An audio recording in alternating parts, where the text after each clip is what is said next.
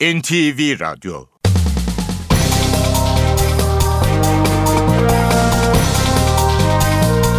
İşe Giderken İyi sabahlar ben Öykü Özdoğan. Saatler 7'yi gösteriyor. İşe giderken programıyla karşınızdayız bu sabahta. Saat 9'a kadar Türkiye ve dünyadaki son gelişmeleri aktaracağız. Öne çıkan başlıklarla başlayalım.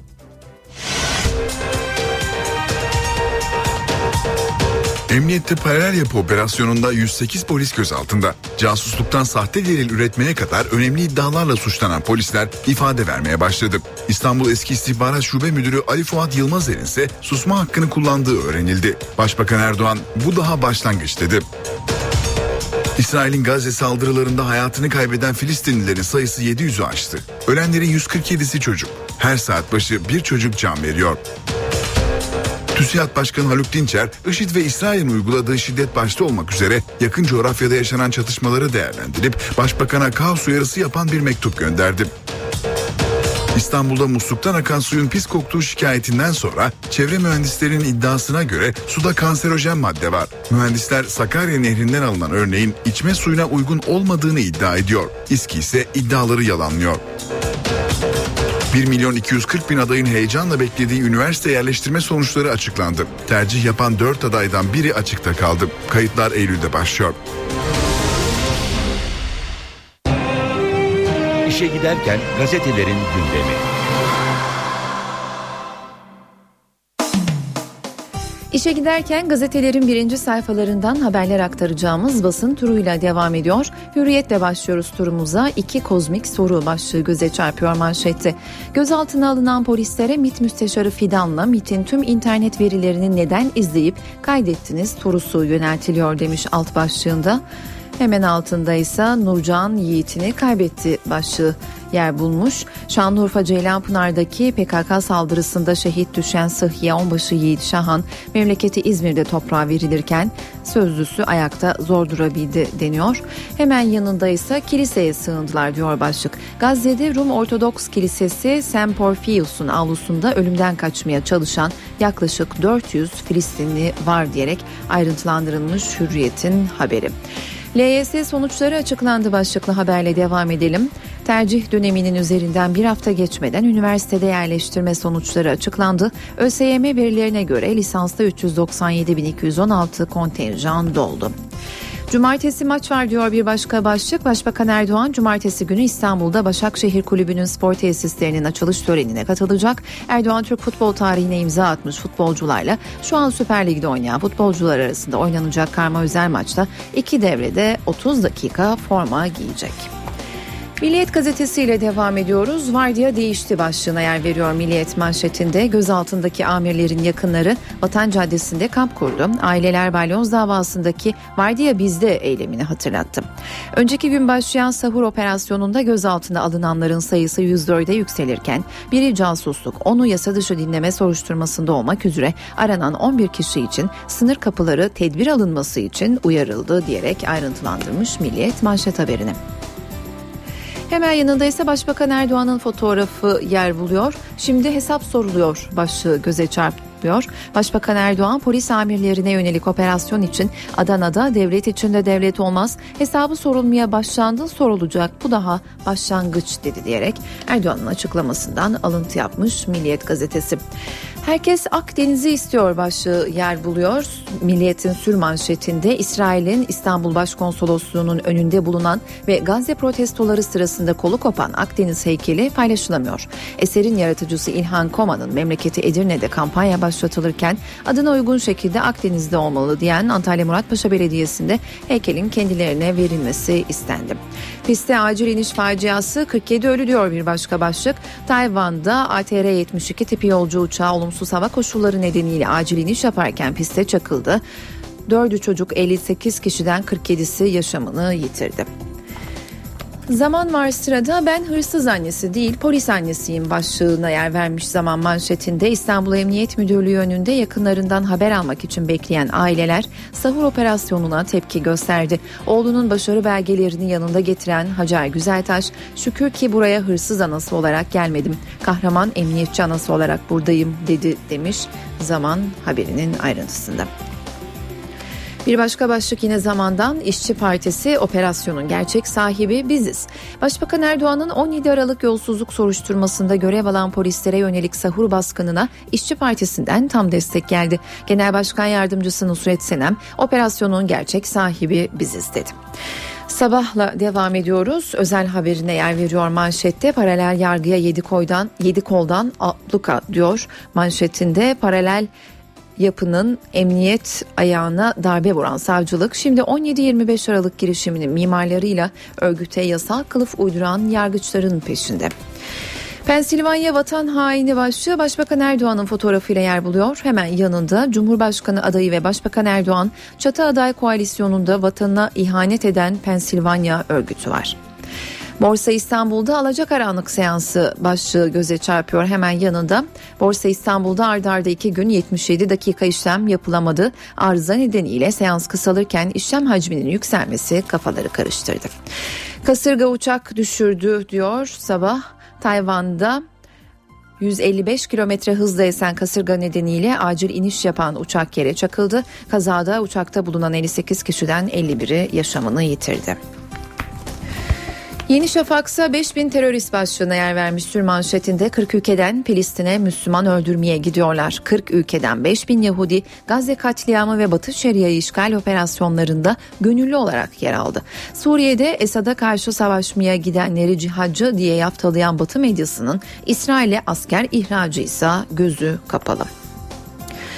Bir de tehdit ediyor diyor manşetindeki haberin başlığı. Casusluk ve darbecilikten gözaltına alınan paralel yapıya mensup polislerin pişkinlikleri dikkat çekti. Başbakanla MİT Müsteşarı Fidan'ı hapse atmayı planlayan emniyet cuntasının elemanları kontrol için getirdikleri hastanede hesabı sorulacak şeklinde tehditler savurdu demiş Yeni Şafak. Stars'a ihanetin hesabı soruluyor diyor sürmanşetinde. Adana mitinginde paralel örgüte yönelik operasyonlar için konuşan Erdoğan, MIT tırları ihaneti izah edilemez. Her türlü tehdidi montajı oluşturanlar bunlar. Bu daha başlangıç. Ulusal güvenliğimizi tehdit edenler bunun hesabını verecekler. Star'ın manşet haberinin başlığı ise suçlar ölü diskten çıktı. Casusluk, şantaj suçlamalarıyla gözaltına alınan paralel polis şeflerini geri döndürülemez şekilde sildiklerini düşündükleri belgeler yaktı. Şüphelilerin operasyon öncesi kullandıkları bilgisayar ve telefonlarını da imha ettikleri ortaya çıktı. Saat başı bir çocuk ölüyor diyor Star hemen yanındaki haberin başlığında. Çocuk kadın demeden zalimce 663 kişiyi katleden İsrail Gazze'yi kuşatmak isterken kendi kuşatıldı.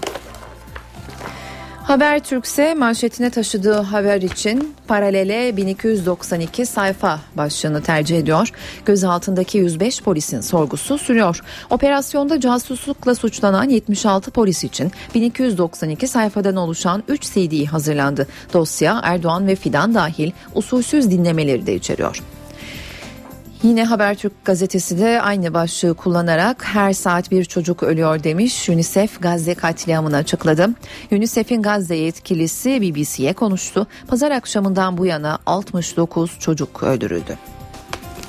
Sığınma evindeki kadının oyu yok. Çarpıcı bir başlık Habertürk'ün birinci sayfasında 128 sığınma evinde kalan 2500 kadın can güvenliğinden sandığa gidip ol, oy kullanamayacak.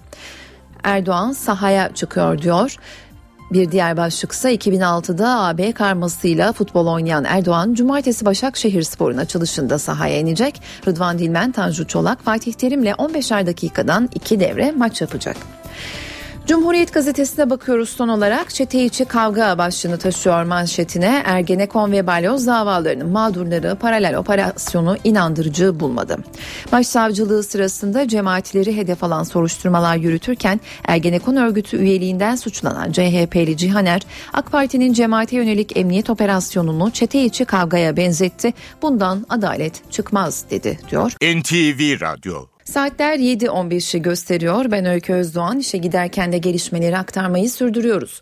Emniyette paralel yapı operasyonunda 108 polis gözaltında. Polislerin ifadelerinin alınmasıyla başlandı. Casusluk, usulsüz dinleme, resmi belgede sahtecilik, suç uydurma, sahte delil üretme, soruşturmanın gizliliğini ihlal iddialarıyla suçlanan polislerden eski İstanbul İstihbarat Şube Müdürü Ali Fuat Yılmazer'in susma hakkını kullandığı öğrenildi. Başbakan Erdoğan, Cumhurbaşkanlığı Cumhurbaşkanlığı seçim kampanyası için gittiği Adana'da bu daha başlangıç dedi. Adana'daki tırların önünü kim kesti? Paralel yap. Bir savcı kalkıp da mitin tırlarının önünü kesemez. Paralel yapının birçok yerdeki uzantılarıyla bunu yaptılar. Bu Pensilvanya'nın hakimleri, savcıları, emniyet içindeki uzantıları, asker içindeki uzantıları Adana'da çok alçakça bir ihanet girişiminde bulundular. Bunların hesabı soruluyor. İstanbul operasyonu budur. Bakın şimdi ortaya neler çıkacak neler. Diyorlar ki delile ulaşılmadan bu tür şeyleri yapmak, gidip bunları almak doğru değil. Onların canı yanmıyor ki, bizim canımız yanıyor.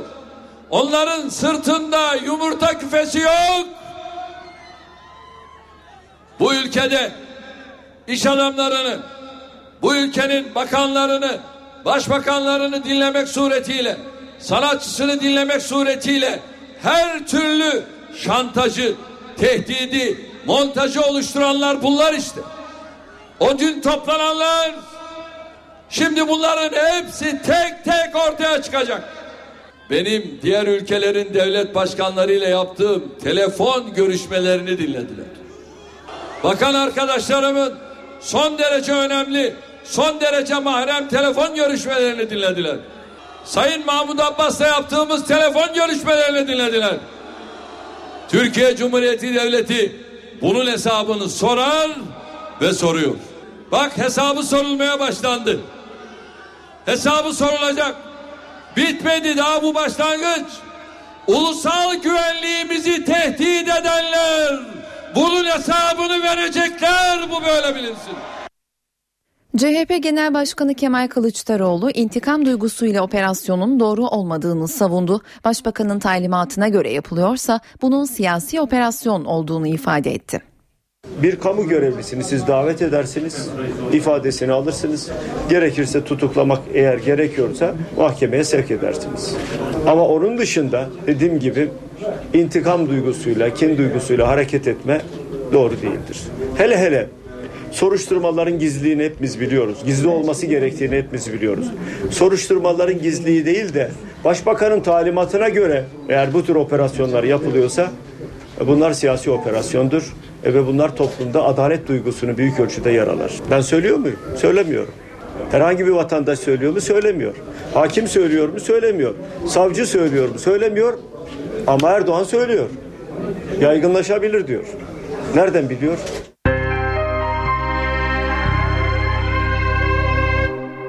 Cumhurbaşkanlığı seçimine doğru liderler, adaylar meydanlarda. Meydanlara çıkmayan MHP lideri ise seçmene video mesaj gönderdi. Zaman ideolojik kalıplarla, inat ve siyasi dürtülerle hareket etme zamanı değildir.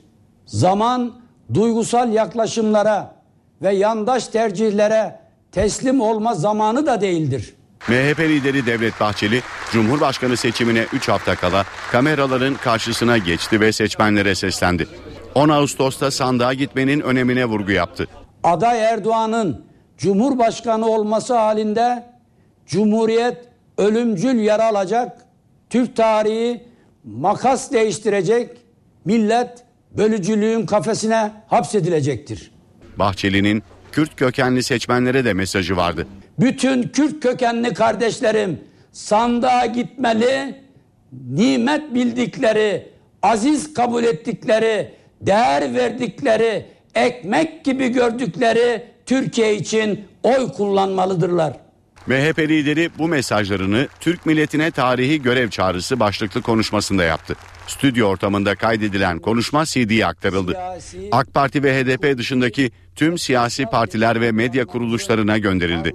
MHP lideri konuşmasında Musul'da alıkonulan Türk vatandaşlarına yönelik çarpıcı bir iddiayı da gündeme getirdi. 49 vatandaşımız muhtemelen 10 Ağustos öncesi serbest bırakılacak ve aday Erdoğan Cumhurbaşkanlığı seçimine sayılı günler kala yeni bir yapay kahramanlık hikayesiyle takdim edilecektir. Başbakanın isim vermeden eleştirdiği ve sayemizde bir yere geldin dediği Cumhurbaşkanı adayı Ekmelettin İhsanoğlu dün İstanbul'daydı ve bu sözlere yanıt verdi. O e, kamu görevlerine, uluslararası görevlere gelmek bir minnet borcu değil. Bu devlet adına, millet adına yapılan hizmetlerdir. Ben bu hizmetleri çok iyi şekilde yaptığıma inanıyorum. İstanbul'da konuştu Köşk'ün çatı adayı Ekmelettin İhsanoğlu. Başbakan Recep Tayyip Erdoğan'ın isim vermeden sayemizde bir yerlere geldin sözlerine yanıt verdi. Ve bu göreve nasıl geldiğim çok açık, seçik bir şeydir. Ben bunu her zaman söyledim.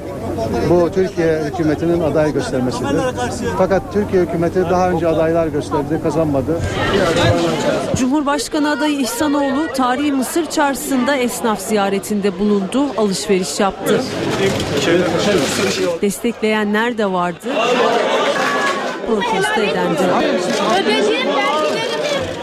CHP ve MHP'nin ortak köşk adayı esnafla tek tek konuşurken izdiham yaşandı.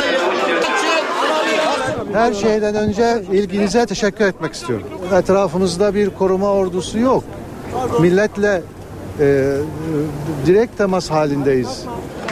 İhsanoğlu'na Türkiye Büyük Millet Meclisi Başkan Vekili Meral Akşener, MHP Genel Başkan Yardımcısı Celal Adan ve MHP İstanbul il yöneticileri eşlik etti. Cumhurbaşkanı adayı ve HDP eş başkanı Selahattin Demirtaş Diyarbakır'da Bisiklet ve Doğa Sporları Kulübü'nün etkinliğine katıldı. Ailesiyle birlikte bisiklete binen Demirtaş hükümetin çevre politikasını eleştirdi. Bu arada Demirtaş'a ilk kez yakın polis koruması verildi. Ben Cumhurbaşkanı olsam hem Hasankeyf hem Munzur hem şu anda gereksiz yere yapılan bütün hidroelektrik santrallerini Karadeniz'de dereleri ve doğayı mahveden santrallerin tamamını durdurmak için Cumhurbaşkanı olarak herhalde girişimlerimi sürdürürdüm. HDP'nin Cumhurbaşkanı adayı Selahattin Demirtaş Diyarbakır'da hem pedal çevirdi hem rakiplerine mesaj verdi. Demirtaş Bisiklet ve Doğa Sporları Kulübü'nün etkinliğine katıldı. Hasankeyf, Munzur, Karadeniz'in dereleri ve İstanbul'un kuzey ormanlarına dikkat çekmek için düzenlenen etkinlikte bisiklete binen Demirtaş'a eşi Başak Demirtaş'la çocukları Delal'le Dildada eşlik etti. Demirtaş etkinlikte hükümetin çevre politikasına tepki gösterdi. Hükümetin çevre anlayışı sadece ve sadece betondan ibaret. Doğanın, tabiatın, doğal yaşam alanının ne anlama geldiğini bilmeyen veya bilmek istemeyen, umursamayan bir hükümet anlayışı var. Selahattin Demirtaş, Cumhurbaşkanlığı seçimi öncesi diğer adayların seçmene yaklaşımını eleştirdi. Diğer adayların e, yaklaşımı devletçi, tekçi e, yaklaşımlar olmaya devam ediyor. En çok umut yaratan, heyecan yaratan bizim kampanyamız. Yurt dışında da, doğuda da, batıda da, kuzeyde, güneyde her tarafta bu duyguyu görmek e, bizim açımızdan çok sevindirici. TÜSİAD Başkanı Haluk Dinçer, IŞİD ve İsrail'in uyguladığı şiddet başta olmak üzere yakın coğrafyada yaşanan çatışmaları değerlendirdi. Başbakan'a kaos uyarısı yapan bir mektup gönderdi. İşte mektubun ayrıntıları. Türkiye gündemi son yıllarda artan yakın coğrafyada yaşanan olumsuz gelişmeler Türkiye'yi sorumluluk üstlenmeye ve inisiyatif almaya zorlamaktadır. Bu ifade Türk Sanayicileri ve İş Adamları Derneği'nden Başbakan'a gönderilen mektupta yer aldı. TÜSİAD Yönetim Kurulu Başkanı Haluk Dinçer'in kaleme aldığı mektupta İsrail'in Gazze harekatı ve IŞİD'in Irak'taki eylemleri hatırlatıldı. Tüm şiddet eylemlerine kınıyor ve lanetliyoruz ifadeleri kullanıldı. Bölge ülkelerinin dış sınırlarının değişmesi potansiyelini taşıyan bu gelişmeler, ülkelerin içinde de kalıcı yeni bölünmelere zemin oluşturmaktadır. TÜSİAD'ın değerlendirme mektubunda ekonomik uyarılar da yer aldı. Çevremizdeki kaos ve şiddet ortamının tezelden durdurulamaması halinde ülkemizin ve bölgemizin üzerinde ağır ekonomik ve toplumsal baskılar oluşacağını değerlendiriyoruz. Mektupta TÜSİAD'ın barışçıl bir ortam sağlanması için üzerine düşen görevi yapmaya hazır olduğu belirtildi. Emniyette paralel yapı operasyonunda 108 polis gözaltında. Casusluktan sahte delil üretmeye kadar önemli iddialarla suçlanan polisler ifade vermeye başladı. İstanbul Eski İstihbarat Şube Müdürü Ali Fuat Yılmazer'in ise susma hakkını kullandığı öğrenildi. Başbakan Erdoğan bu daha başlangıç dedi. İsrail'in Gazze saldırılarında hayatını kaybeden Filistinlilerin sayısı 700'ü aştı. Ölenlerin 147'si çocuk. Her saat başı bir çocuk can veriyor. TÜSİAD Başkanı Haluk Dinçer, IŞİD ve İsrail'in uyguladığı şiddet başta olmak üzere yakın coğrafyada yaşanan çatışmaları değerlendirip Başbakan'a kaos uyarısı yapan bir mektup gönderdi. İstanbul'da musluktan akan suyun pis koktuğu şikayetinden sonra çevre mühendislerinin iddiasına göre suda kanserojen madde var. Mühendisler Sakarya Nehri'nden alınan örneğin içme suyuna uygun olmadığını iddia ediyor. İSKİ ise iddiaları yalanlıyor. 1 milyon 240 bin adayın heyecanla beklediği üniversite yerleştirme sonuçları açıklandı. Tercih yapan 4 adaydan biri açıkta kaldı. Kayıtlar Eylül'de başlıyor.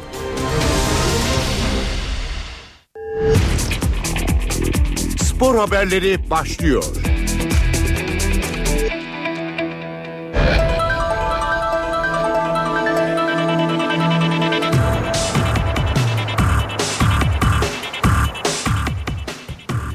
Günaydın spor gündeminden gelişmelerle birlikteyiz. Galatasaray ikinci hazırlık maçından mağlup ayrıldı. Sarı Kırmızılı takım Avusturya'nın güçlü ekipleri, rakiplerinden Rapid Wien'i Rapid Wien'e 3-1 yenildi. Bu sonuçta teknik direktör Prandelli Galatasaray'ın başındaki ilk yenilgisini yaşadı.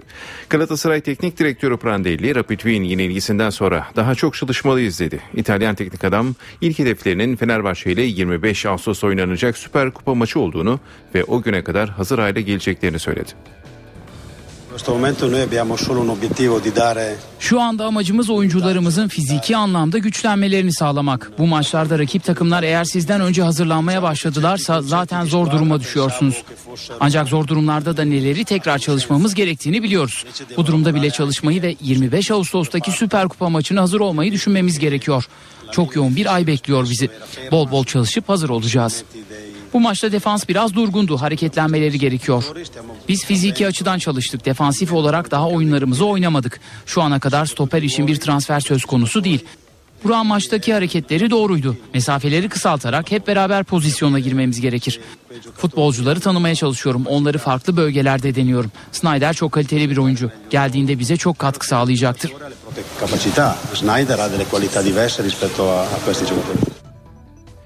Galatasaray Basketbol Şubesi değişikliğe gidiyor. Şubenin başına başkan yardımcısı Candan Erçetin getirilecek. Sarı Kırmızı yönetimde bu sezon daha aktif görevler üstlenmesi beklenen Candan Erçetin, önümüzdeki hafta yapılacak yönetim kurulu toplantısına yeni görevine başlayacak. Geçtiğimiz sezon yönetim kurulu üyesi Necati Demirkol, Basketbol Şubesinden sorumlu yönetici konumundaydı. Evet Beşiktaş'ın da yurt dışı hazırlık kampı devam ediyor. İngiltere kampının beraberlikle tamamladığı maçında siyah beyazlı takım Manchester'da karşılaştı. Alman ekibi Mainz'la yenişemedi. Maça damgasını vuran futbolcu ise Atiba Hutchinson oldu. Hutchinson hem kendi adına hem de Mainz adına gole imza attı. Beşiktaş uzun süredir gündeminde bulunan River Plate'in Arjantinli oyuncusu Manuel Lanzini transferinden vazgeçti. Başkan Fikret Orman Lanzini transferini kapattıklarını ve futbolcunun artık gündemlerinde olmadığını açıkladı. Oyuncuyla her konuda anlaşan siyah beyaz yönetim vazgeçme kararını River Plate'in isteksiz tutumu nedeniyle aldı. Lanzini ile 5 yıllığına söz kesen Beşiktaşlılar Arjantin kulübüne vergiler dahil olarak 5 milyon 200 bin euro teklif etmişti. Beşiktaş'ta yapılması düşünülen yeni transferlerin Feyenoord maçında oynayabilmesi için süre dolmak üzere. Siyah beyaz kulüp UEFA'ya oyuncu kadrosunu en geç bu gece saat 24'e kadar göndermek zorunda. Beşiktaş Şampiyonlar Ligi 3. ön eleme turu ilk maçını 30 Temmuz'da deplasmanda, ikinci karşılaşmayı ise 6 veya 7 Ağustos'ta İstanbul'da oynayacak.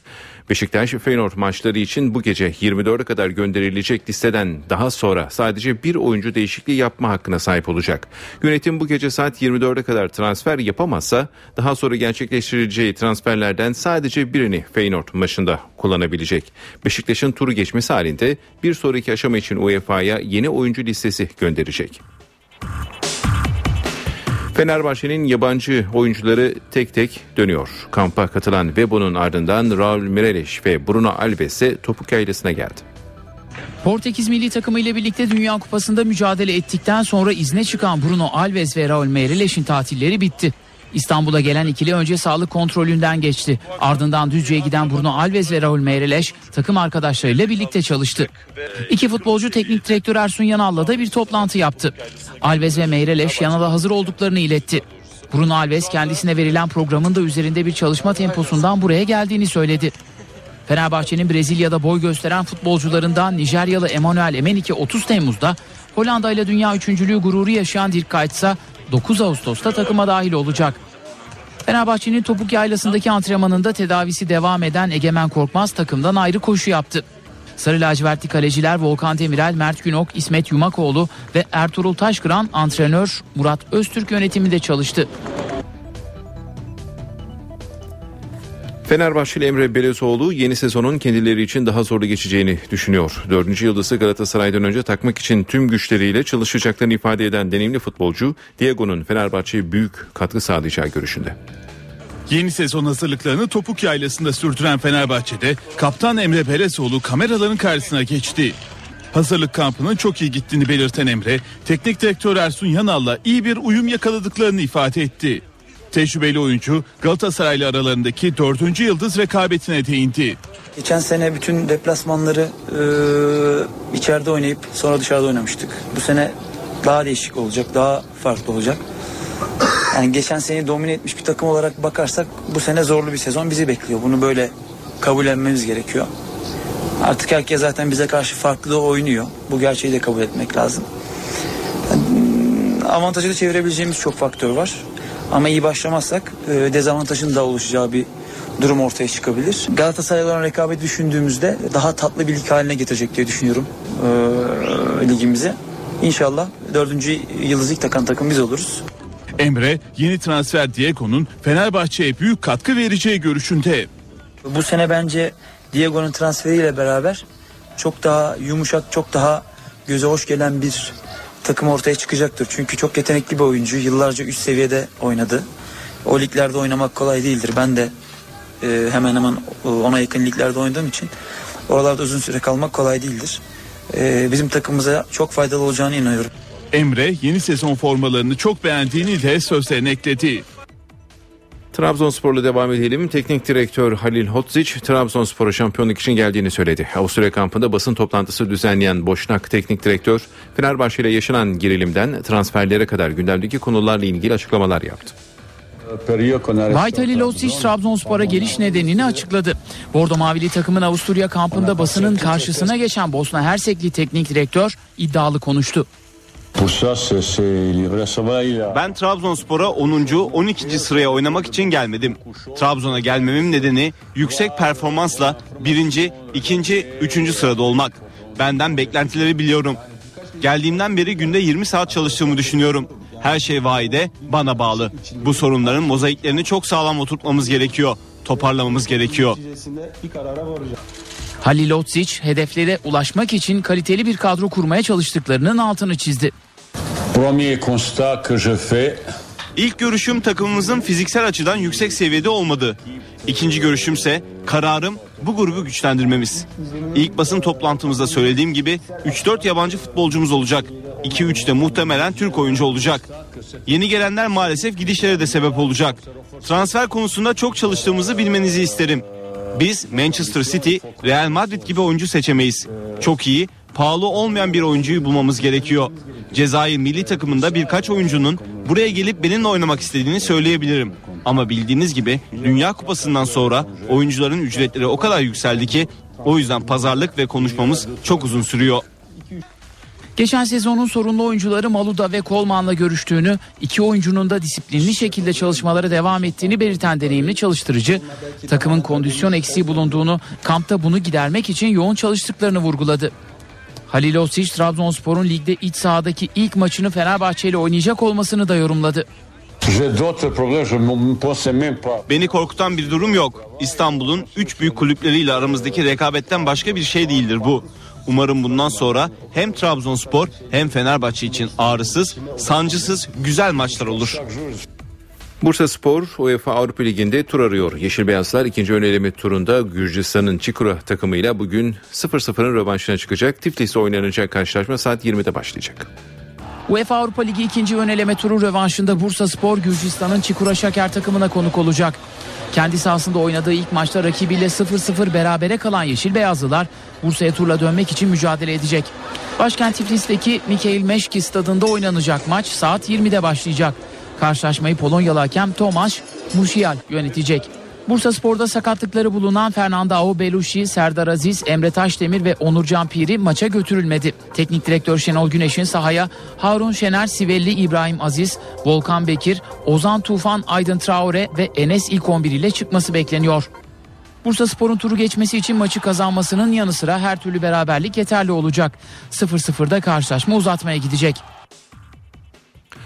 Bursa Spor Teknik Direktörü Şenol Güneş, Çikura'yı deplasmanda yenerek turu geçmek istediklerini söyledi. Güneş'le birlikte basın toplantısına katılan Volkan Şende, karakterlerini ortaya koyarak Bursa'ya turla döneceklerini dile getirdi. İlk maçta kazanmamız gereken maçı kazanamadık. Kazan, gol yemeden kazanmak istiyorduk. Rakip takım 0-0'la avantajlı bir skorla görmüş olmasına rağmen biz burada yine kazanmayı düşüneceğiz. Bu sefer gol yesek de gol atsak da tur atlamak istiyoruz. Hedefimiz budur. Ee, bütün oyuncular olarak takım olarak biz bu amaçla buraya geldik. Rakibimize saygı duyuyoruz. Onlar da elinden gelen gayreti gösterdiler, iyi çalıştılar.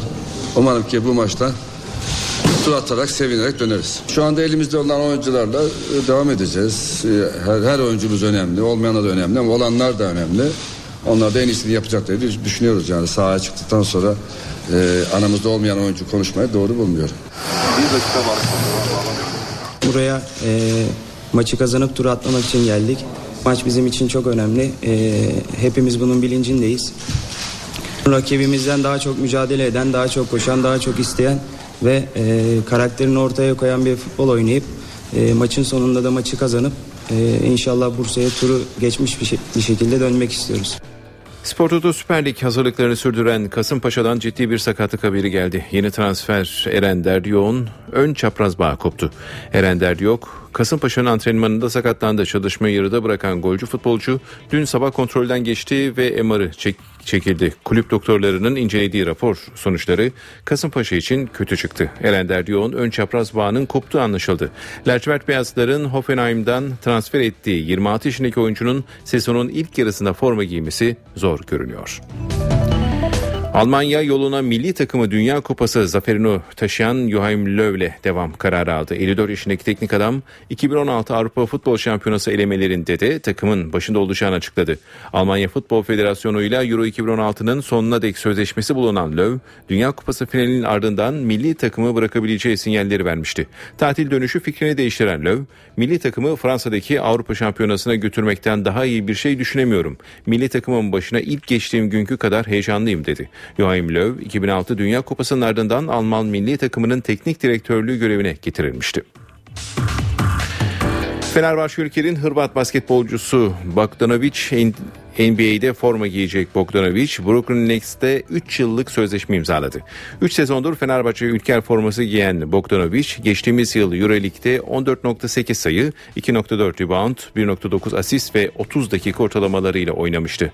Bogdanovic 2011 yılında Miami Heat tarafından 31. sıradan drift seçim edilmiş ancak Miami draft hakkını Brooklyn Nets'e devretmişti.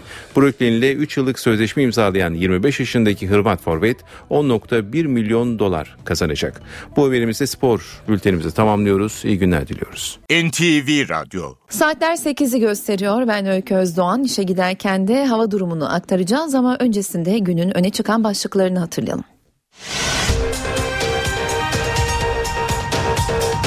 Emniyette paralel yapı operasyonunda 108 polis gözaltında. Casusluktan sahte delil üretmeye kadar önemli iddialarla suçlanan polisler ifade vermeye başladı.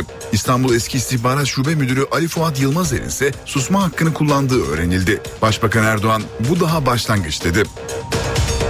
İsrail'in Gazze saldırılarında hayatını kaybeden Filistinlilerin sayısı 700'ü aştı. Ölenlerin 147'si çocuk. Her saat başı bir çocuk can veriyor. TÜSİAD Başkanı Haluk Dinçer, IŞİD ve İsrail'in uyguladığı şiddet başta olmak üzere yakın coğrafyada yaşanan çatışmaları değerlendirip Başbakan'a kaos uyarısı yapan bir mektup gönderdi. İstanbul'da musluktan akan suyun pis koktuğu şikayetinden sonra çevre mühendislerinin iddiasına göre suda kanserojen madde var. Mühendisler Sakarya Nehri'nden alınan örneğin içme suyuna uygun olmadığını iddia ediyor. İSKİ ise iddiaları yalanlıyor. 1 milyon 240 bin adayın heyecanla beklediği üniversite yerleştirme sonuçları açıklandı. Tercih yapan 4 adaydan biri açıkta kaldı. Kayıtlar Eylül'de başlıyor. E, son hava tahminlerini aktaracağız. NTV Meteoroloji Editörü Gökhan Abur stüdyomuzda. Günaydın Gökhan Abur. Günaydın. Sıcaklıklar yükselmeye devam ediyor diyoruz. Bazı kentlerde de yağış beklentisi sürüyor galiba. Evet, Nedir? evet Son sürüyor. Yani aslına bakarsan e, Marmara bölgesinde Trakya'da hafif yağışlar başladı şu an itibariyle rüzgarla birlikte. Hı hı. E, Çanakkale Gelibolu arasında bulutlanma bir hayli artı yağış var. İlerleyen saatlerde Edirne Tekirdağ arasında ve Kırklareli'ne kadar olan bölgede artacak bulutlanmayla yağış başlayacak ve rüzgarın yarın karayele dönmesiyle ki şu anda İstanbul'da hava oldukça sakin. Öğle saatlerinde sert bir karayel bekliyorum. Dolayısıyla karayele dönmesiyle birlikte bu bulutları İstanbul'a doğru da taşıyacak. İstanbul'un da özellikle öğleden sonra saatlerinde en geç diyebilirim. Batı ve kuzey ilçelerinde kısa süreli yağış geçişleri görülebilecek. Bugün için yine önümüzdeki saatlerde kuvvetli karayelle birlikte artacak bulutlanma Bolu'dan başlayarak Batı Karadeniz bölgesinin iç kesimlerinde Bolu, Karabük, Kastamonu, Sinop arasındaki bölgede yer yer kuvvetli sağanaklar oluşturabilecek. Akdeniz oldukça nemli. Akdeniz'de sıcaklıklar yüksek değerlerde değil belki çok çok yüksek değerlerdedir. Mevsim ortalamaları civarında ama güneyli rüzgarların taşıdığı nem bunaltıcılığı bir hayli arttırıyor. Bugün Antalya 34 derece olacak ama hissedilen sıcaklık yüksek nemden dolayı 38 derecenin üzerine çıkacak. Güney Ege'de Lodos esmeye devam ediyor. Çok kuvvetli değil ama orada da sıcaklıkları yükseltmişken nemi de yükseltiyor. Dolayısıyla orada da bunaltıcılık bir hayli fazla. İç kesimlerde sıcaklıklar 37 ile 40 derece arasında değişirken Güneydoğu'da 40 dereceyi geçen sıcaklıklar var. Bugün Diyarbakır 42 derece olacak. Mardin'de sıcaklık 40 derecenin üzerinde. Şanlıurfa 43 dereceye kadar çıkabilecek. Malatya'da ise sıcaklığın 39 dereceye çıkmasını bekliyoruz. Doğu ve Güneydoğu'da uzun zamandır yani yaklaşık bir aydır sıcaklıklar mevsim ortalamaları üzerinde. Evet bugün Marmara'da yağış var dedim. Batı Karadeniz'de yağış var. Yarın yağışlar biraz hafifliyor. Doğu Karadeniz'de hafif yağış olasılığı var. Doğu Akdeniz'de yarın yağış olasılığı var. Özellikle e, Antalya'nın batı ilçe, doğu ilçelerinden başlayıp Mersin arasında, Mersin, Kahramanmaraş arasındaki bölgede kısa süreli yağış geçişleri görülebilecek. Cumartesi günü Akdeniz'de hafif yağışlar bekliyoruz ve sıcaklıklar yükselmeye devam edecek ama Batı Karadeniz, Marmara ve Kuzey Ege'de yaşayanların ufak da olsa bir şansı var diyeceğim. Çünkü yarından sonra Poyraz'ın sertleşmesi biraz da olsa sıcaklıklar yükselse bile hissedilen sıcaklıklar fazla yükselmeyeceği için bu bölgede bulunanlar biraz daha rahat nefes alabilecekler. Evet bizlere bugün için bekleyen koşullar genelde böyle. Teşekkür ederiz. Son hava tahminlerini NTV Meteoroloji Editörü Gökhan'a buradan dinledik. NTV Radyo. İşe giderken de günün öne çıkan gelişmelerini aktarmayı sürdürüyoruz. Emniyette casusluktan yasa dışı dinlemeye pek çok önemli suçlamayla yapılan operasyona başlayalım. 25 ildeki operasyonda 115 kişi hakkında gözaltı kararı vardı. Şu anda 108 polis gözaltında ve İstanbul Emniyetinde sorgulama sürüyor. NTV muhabiri Baran Bila Vatan Caddesi'ndeki İstanbul Emniyetinde bize son haberleri aktaracak. Baran seni dinliyoruz. Öykü şu an 108 kişi İstanbul Emniyet Müdürlüğü'nde 7 kişi ise hala aranıyor. Gözaltı işlemleri başladığından beri şüpheli polisler periyodik aralıklarla prosedür gereği sağlık kontrolünden geçiriliyor. Vatan Caddesi'ndeki Emniyet Müdürlüğü'nden çıkartıldıktan sonra Haseki Devlet Hastanesi'nde sağlık kontrolünden geçiriliyorlar ve buradaki işlemler sona sonra emniyete geri dönüyorlar. Dolayısıyla hastane önünde operasyon başladığından beri hareketli bir nokta burada gazetecilerin nöbeti sürüyor. Dolayısıyla burada zaman zaman gözaltındaki polisler de açıklama yapıyorlar. Önemli bir isim gece saatlerinde bir kez daha sağlık kontrolünden geçirildi. Yurt Atıyön eski İstanbul terörle mücadele e, şube müdürü. Kendisi burada gazetecilere seslendi. Kadir Gecesi'ni kutladı ve şöyle devam etti. Bu gece siyasal bir algı yok. Dolayısıyla kelepçe de yok. Zaten buna gerek yoktu. Ben kendim geldim teslim oldum şeklinde konuştu.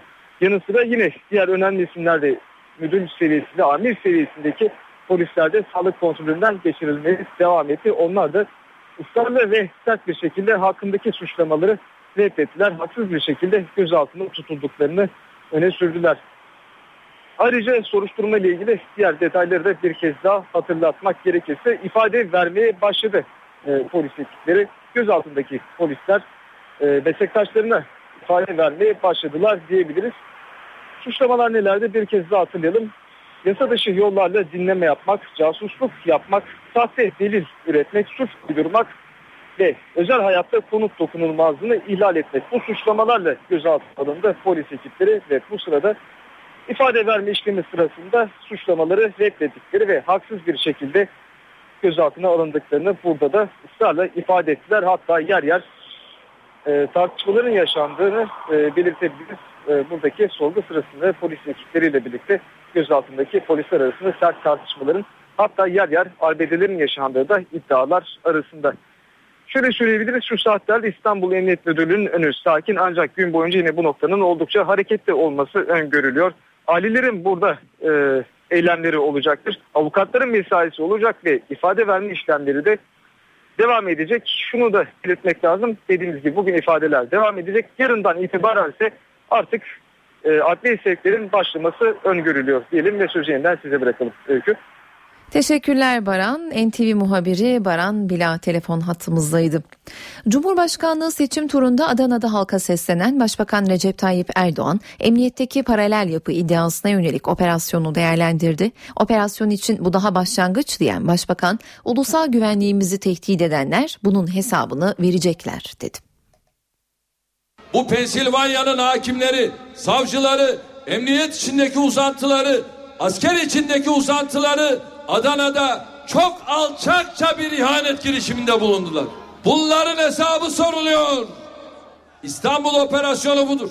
Bakın şimdi ortaya neler çıkacak neler. Başbakan Recep Tayyip Erdoğan Adana'da halka seslendi. Gündeminde emniyete paralel yapı iddiasıyla başlatılan operasyon vardı. Benim diğer ülkelerin devlet başkanlarıyla yaptığım telefon görüşmelerini dinlediler. Sayın Mahmut Abbas'la yaptığımız telefon görüşmelerini dinlediler. Türkiye Cumhuriyeti Devleti bunun hesabını sorar ve soruyor. Bitmedi daha bu başlangıç. Başbakan Gazze saldırısını da değerlendirdi. Birleşmiş Milletler bırakın seyirci kalmayı Hamas'ı suçlayarak İsrail'in terör çarkına destek vermeye devam ediyor. Bütün dünya sussa biz susmayacağız. Ey Ekmel biz senin ne olduğunu çok iyi biliyoruz. 8 yıl görev yaptın ama 8 yıllık görevinde adeta bir monşer örneği sergiledin. Ve hiçbir zaman yürekli bir çıkışı olmamıştır olamaz. Başbakan Erdoğan, MHP lideri Devlet Bahçeli'nin eleştirilerine de yanıt verdi. MHP Genel Başkanı benim için şunu diyor. Sen Çankaya yokuşunu çıkamazsın diyor. Dizinin bağı kalmadı diyor. Yolun yarısında nefesin tükenir. Cumhurbaşkanlığı senin için hayaldir, rüyadır diyor. Benim MHP'ye gönül vermiş kardeşlerim Bahçeli ve arkadaşlarına MHP'yi Pensilvanya'nın, CHP'nin, sol örgütlerin oyuncağı yapmanın hesabını inşallah sandıkta soracak.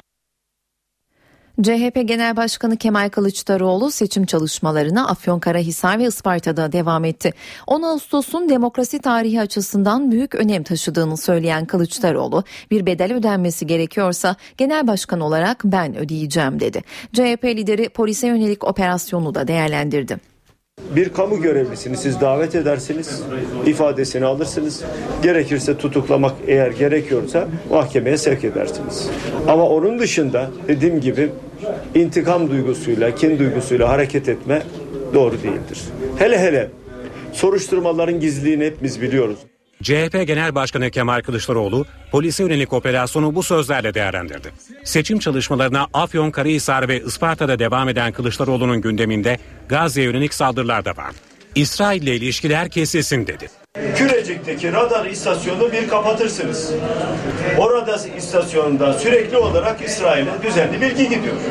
Bunu bilmeyen yok. Kapatın diyoruz, NATO'nun diyorlar. Oysa NATO'nun değil. Ticari ilişkilerini geliştiriyorlar. Niye kesmiyorsun? Kesmiyoruz. Askeri ilişkiler kesiyor mu? Kesmiyor.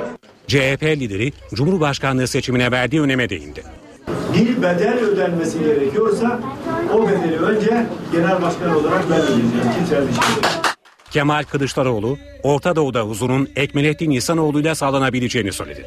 Sayın Ekmelettin İhsanoğlu'nun Orta Doğu'da bir ağırlığı var. Türkiye eğer Ekmelettin İhsanoğlu Cumhurbaşkanlığı koltuğunu tutursa emin olun Orta Doğu'ya barış, Orta Doğu'ya huzur gelecek. Cumhurbaşkanlığı seçimine doğru liderler, adaylar meydanlarda. Meydanlara çıkmayan MHP lideri Devlet Bahçeli ise seçmene video mesaj gönderdi, sandığa gitmelerini istedi. Zaman ideolojik kalıplarla, inat ve siyasi dürtülerle hareket etme zamanı değildir. Zaman duygusal yaklaşımlara ve yandaş tercihlere teslim olma zamanı da değildir. MHP lideri Devlet Bahçeli, Cumhurbaşkanı seçimine 3 hafta kala kameraların karşısına geçti ve seçmenlere seslendi. 10 Ağustos'ta sandığa gitmenin önemine vurgu yaptı.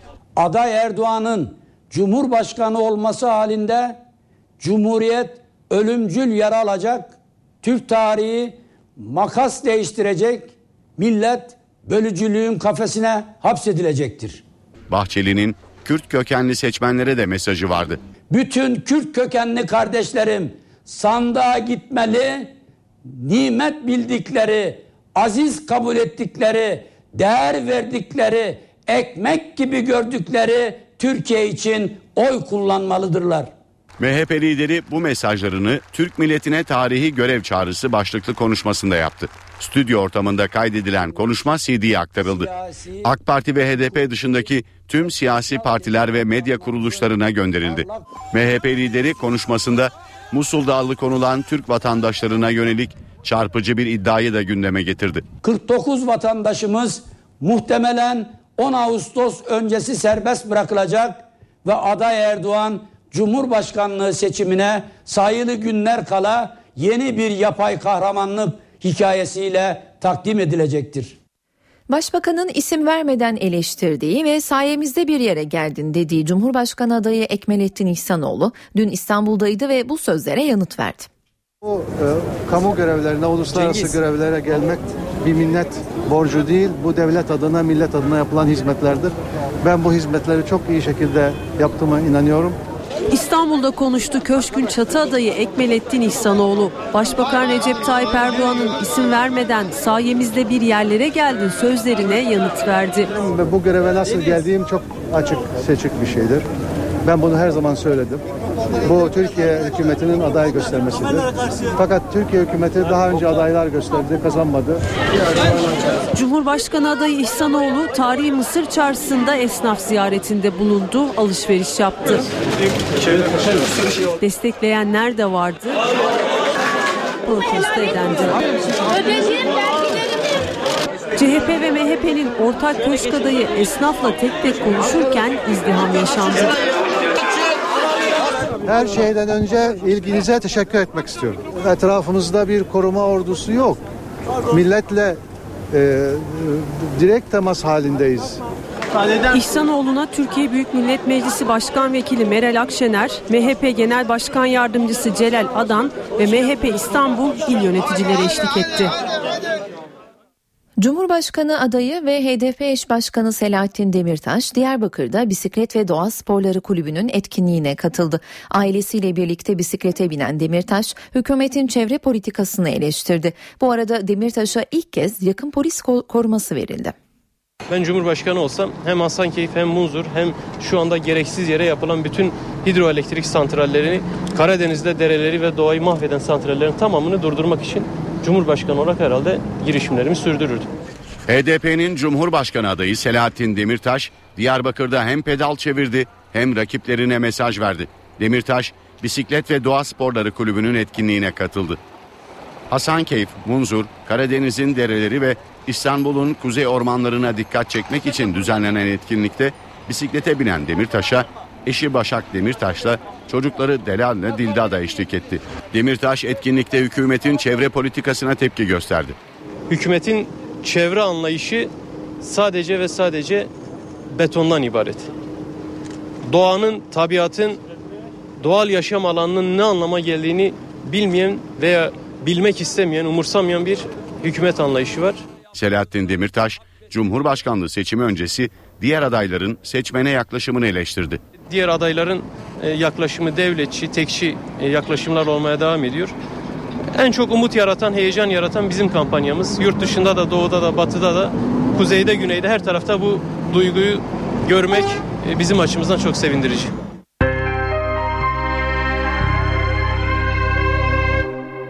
Türk Silahlı Kuvvetleri'nde terfi ve emeklilik dönemi geldi. Yüksek Askeri Şura'da bu kez balyoz ve ergenekon mesaisi yapılacak. Cezaevinden serbest bırakılan 12 general Şura'da olacak. Yüksek Askeri Şura için geri sayım başladı. Terfi ve atamaların görüşüleceği şura Başbakan Recep Tayyip Erdoğan başkanlığında 4 Ağustos'ta başlayacak. Şura'nın mesaisi bu yıl daha yoğun olacak.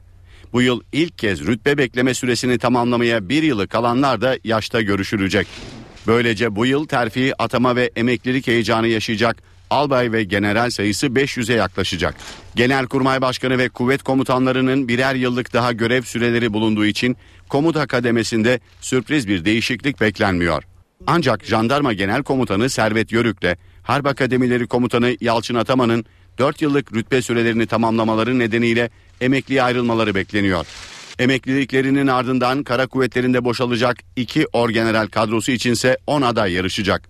Geçtiğimiz yıl aktif görev verilmeyip yaş üyesi yapılmasının ardından emekliliğini isteyen Mehmet Erten'in boşalttığı orgenerallik kadrosu içinse ona yakın korgeneral arasından seçim yapılacak. Yüksek Askeri Şura, Balyoz ve Ergenekon mesaisi de yapacak. Yeniden yargılama kararının ardından tahliye edilen 13 generalden 12'sinin durumu da şurada masada olacak. Ergenekon davasının firari sanığı Bedrettin Dalan avukatı aracılığıyla İstanbul 6. Ağır Ceza Mahkemesi'ne başvurarak hakkındaki yakalama kararlarının kaldırılmasını istedi. Dalan ifadesi alınmaksızın beraat kararı verilmesi ve Türkiye'ye gelmesi durumunda bu suçtan tutuklanmayacağı konusunda da yasal güvence talep etti. Dalan'ın avukatları dilekçede Ergenekon soruşturmasında görev alan bazı polislerin bugün gözaltına alındığını hatırlatarak yargı içine sızmış çete ayıklanmak üzere süredir. Bu çetenin müvekkilimizle ilgili soruşturmada objektif olduğu düşünülemez ifadesini kaydetti.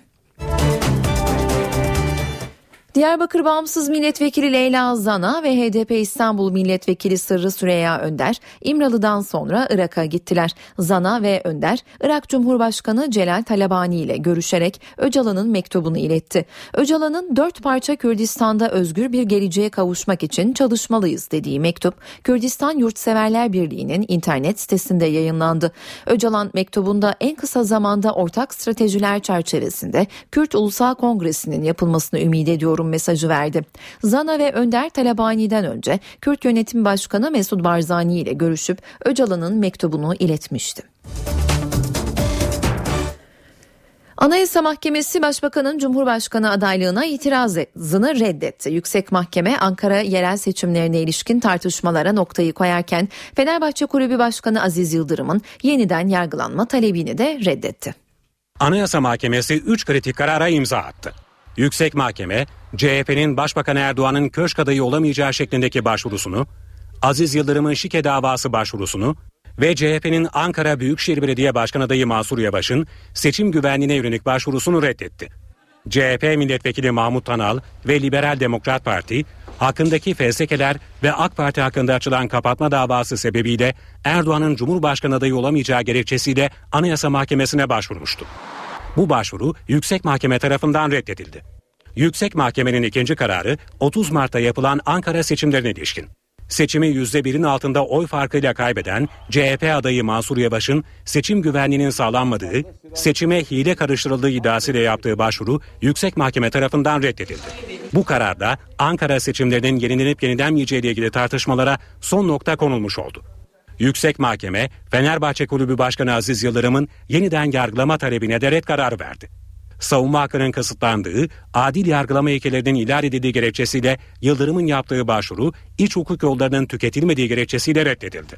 Red kararına gerekçe olarak İstanbul'un 3. Ağır Ceza Mahkemesi'nin Yıldırım'ın yeniden yargılanması yönündeki kararı gösterildi.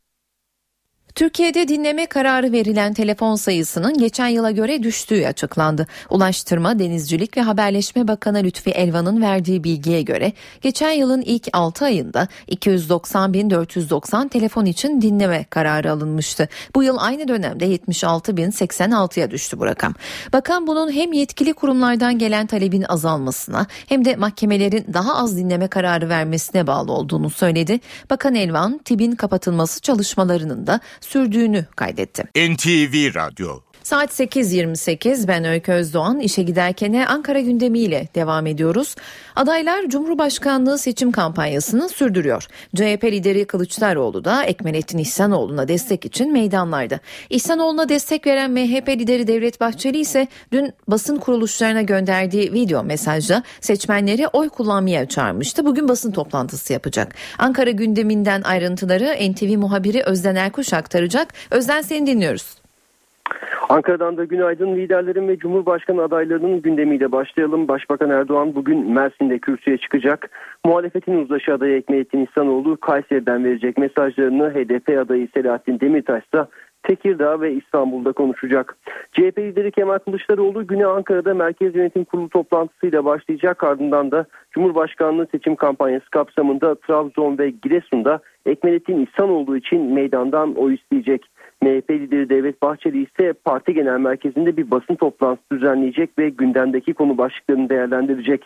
Hem liderlerin hem de Cumhurbaşkanı adaylarının gündeminde şüphesiz başta Cumhurbaşkanlığı seçimi ve Orta Doğu'daki gerginlik olmak üzere iç ve dış gelişmeler olacak.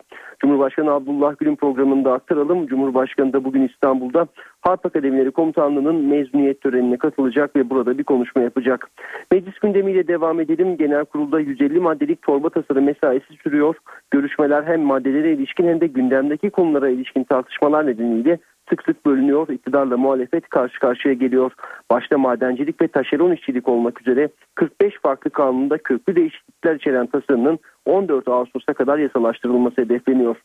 Başkentte bugün öne çıkan gündem başlıklarından biri de Avrupa Birliği'ne üyelik süreci olacak. AB Bakanı Mevlüt Çavuşoğlu Avrupa Birliği Türkiye Delegasyonu Başkanı ile bir araya gelecek. Bu görüşme önemli zira dün Erzurum'da gerçekleşen ve dört bakanın katıldığı reform izleme toplantısının ardından gerçekleşiyor. Tıpkı dünkü toplantıda olduğu gibi bu görüşmede de Türkiye'nin yeni fasıllar açılması için yürüttüğü çalışmalarla bundan sonra atılabilecek adımların masaya yatırılması bekleniyor.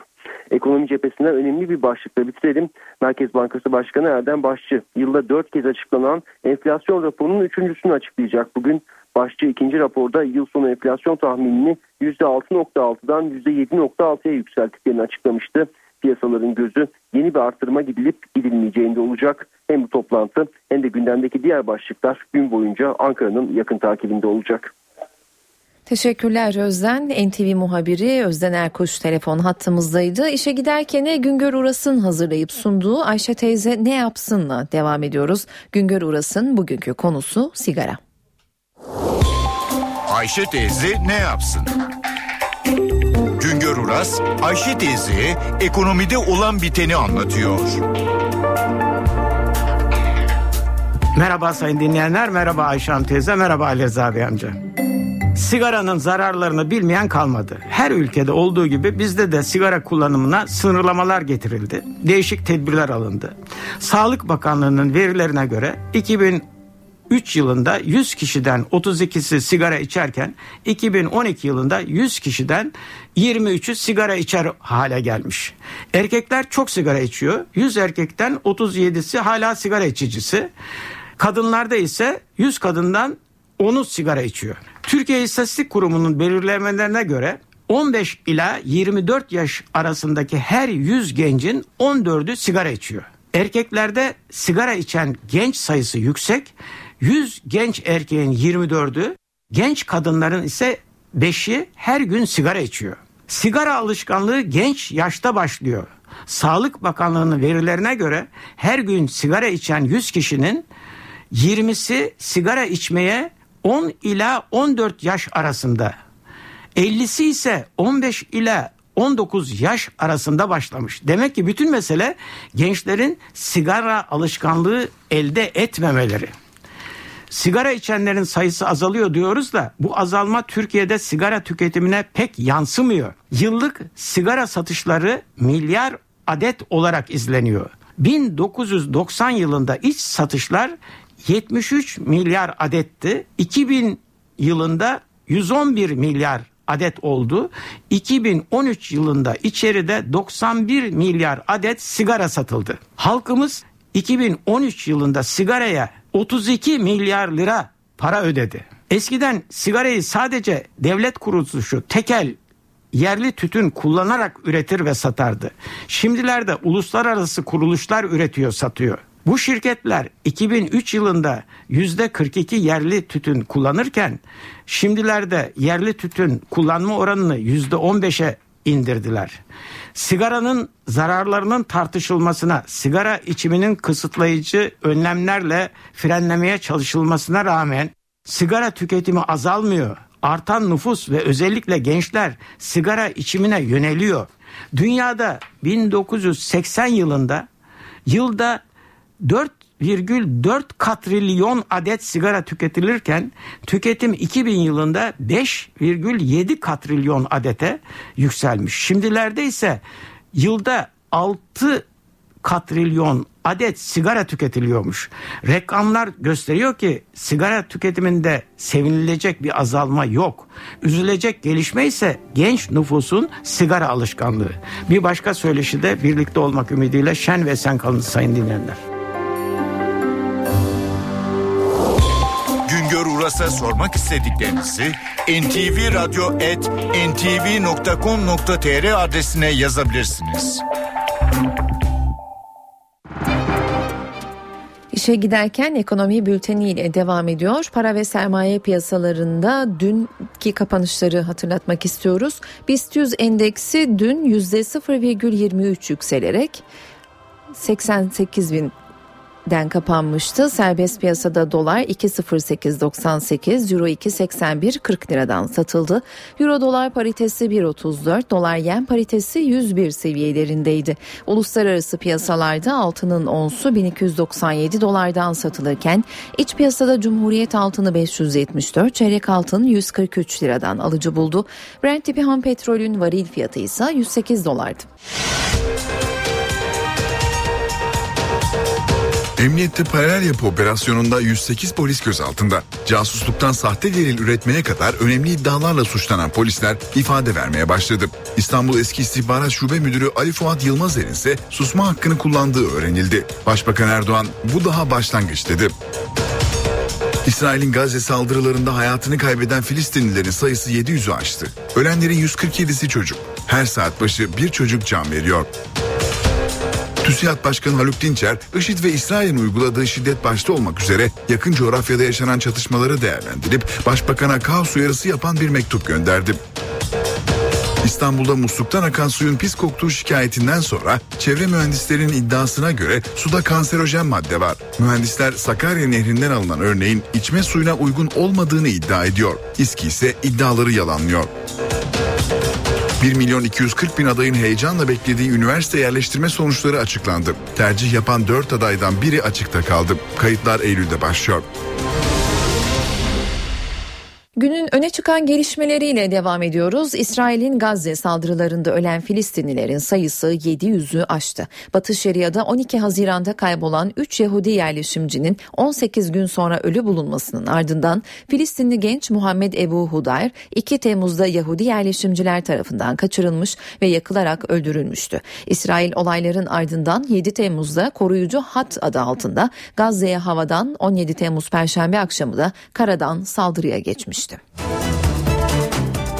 Amerika Birleşik Devletleri ve Birleşmiş Milletler'in Gazze'de ateşkes arayışı sürüyor. Hamas lideri Halid Meşal, şartlarımız kabul edilmeden ateşkes sağlanamaz mesajını yineledi. Birleşmiş Milletler İnsan Hakları Konseyi, İsrail ile ilgili savaş suçu soruşturması başlatıyor.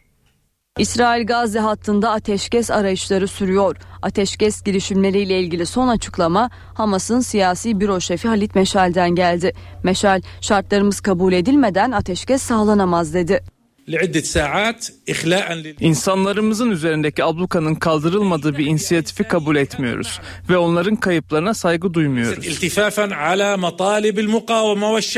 Meşal 2007'den bu yana süren İsrail ablukasının kaldırılmasının yanında Mısır'la Gazze arasındaki refah sınır kapısının açılmasını ve İsrail'deki Filistinli tutukluların serbest bırakılmasını istediklerini de söyledi. Ayrıca Meşal ateşkes taleplerini Türkiye, Katar, Mısır ve Filistin yönetimlerine sunduklarını belirtti ve taleplerimizin gerçekleştirilmesi konusunda kim başarılı olursa bu konudaki çabalarını memnuniyetle karşılarız dedi. Amerika Birleşik Devletleri ve Birleşmiş Milletler İsrail ve Hamas arasında ateşkes için devrede. Birleşmiş Milletler İnsan Hakları Konseyi, İsrail'in Gazze saldırısı sırasında savaş suçu işlediğine dair iddiaların araştırılması için uluslararası soruşturma başlatılması kararı aldı. Amerika Birleşik Devletleri Dışişleri Bakanlığı'ndansa karara tepki geldi. Dışişleri Bakanı Sözcü Yardımcısı Mary Harf karara tek taraflı olduğu için karşı çıktıklarını belirtti ve uluslararası camiada yalnız kalsak da İsrail'i savunacağız dedi.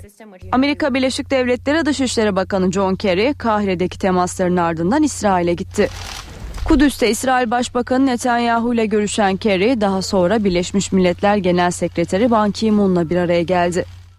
TÜSİAD Başkanı Haluk Dinçer, IŞİD ve İsrail'in uyguladığı şiddet başta olmak üzere yakın coğrafyada yaşanan çatışmaları değerlendirip Başbakan'a kaos uyarısı yapan bir mektup gönderdi. İşte mektubun ayrıntıları. Türkiye gündemi son yıllarda artan yakın coğrafyada yaşanan olumsuz gelişmeler Türkiye'yi sorumluluk üstlenmeye ve inisiyatif almaya zorlamaktadır. Bu ifade Türk Sanayicileri ve İş Adamları Derneği'nden Başbakan'a gönderilen mektupta yer aldı. TÜSİAD Yönetim Kurulu Başkanı Haluk Dinçer'in kaleme aldığı mektupta İsrail'in Gazze harekatı ve IŞİD'in Irak'taki eylemleri hatırlatıldı. Tüm şiddet eylemlerine kınıyor ve lanetliyoruz ifadeleri kullanıldı. Bölge ülkelerinin dış sınırlarının değişmesi potansiyelini taşıyan bu gelişmeler ülkelerin içinde de kalıcı yeni bölünmelere zemin oluşturmaktadır. TÜSİAD'ın değerlendirme mektubunda ekonomik uyarılar da yer aldı. Çevremizdeki kaos ve şiddet ortamının tezelden durdurulamaması halinde ülkemizin ve bölgemizin üzerinde ağır ekonomik ve toplumsal baskılar oluşacağını değerlendiriyoruz. Mektupta TÜSİAD'ın barışçıl bir ortam sağlanması için üzerine düşen görevi yapmaya hazır olduğu belirtildi. Dünkü açıklamasından sonra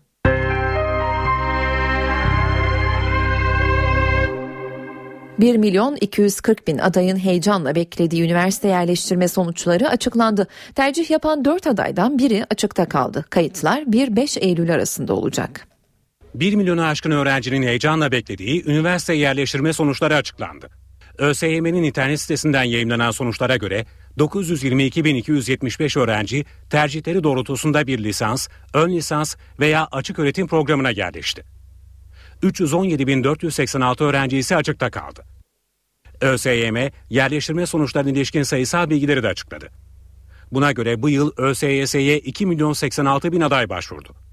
YGS ve LYS sonuçlarına göre 1 milyon 903 bin 242 aday tercih yapmayı hak kazandı.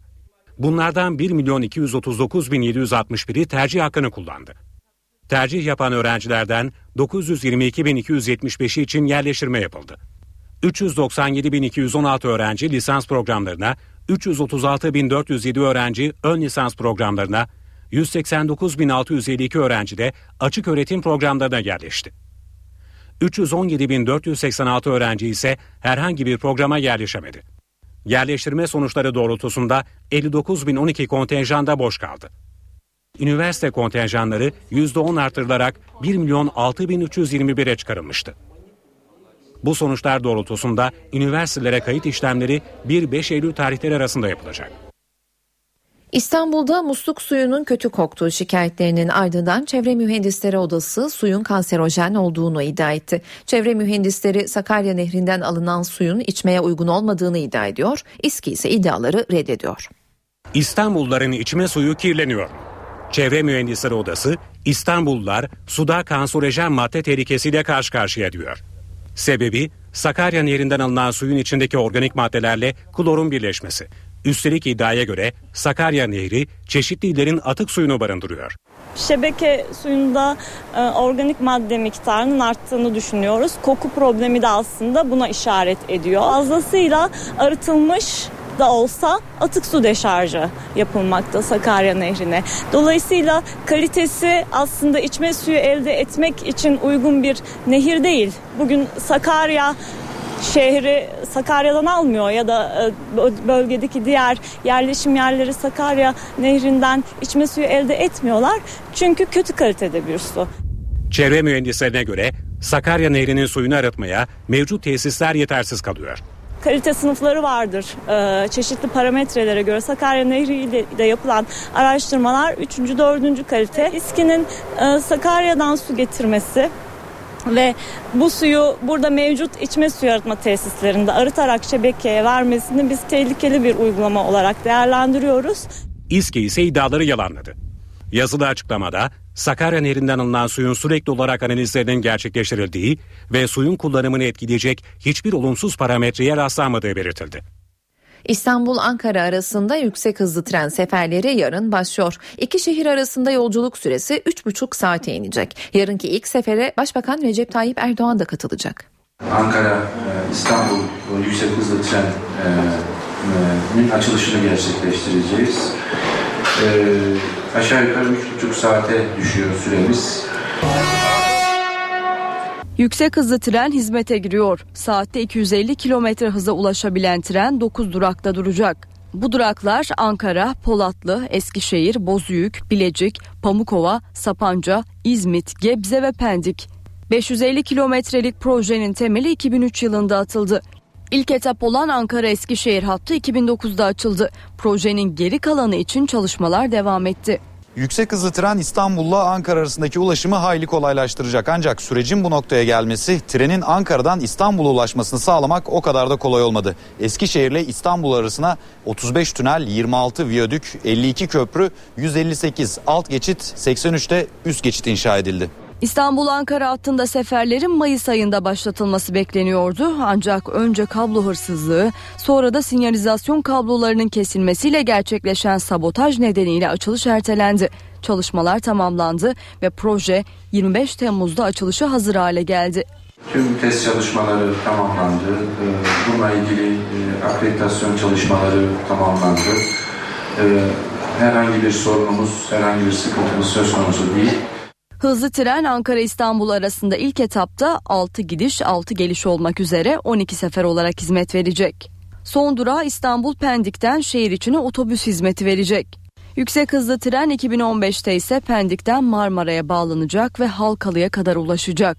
Böylece Asya'dan Avrupa'ya kesintisiz ulaşım sağlanacak. İlk sefere Başbakan Recep Tayyip Erdoğan da katılacak. 411 yolcu kapasiteli trenin bilet fiyatını da başbakan açıklayacak. Fiyatın 70-80 lira arasında olması bekleniyor. Bu haberle işe giderkeni noktalıyoruz. Yarın sabah aynı saate karşınızda olacağız. Şimdilik hoşçakalın. NTV Radyo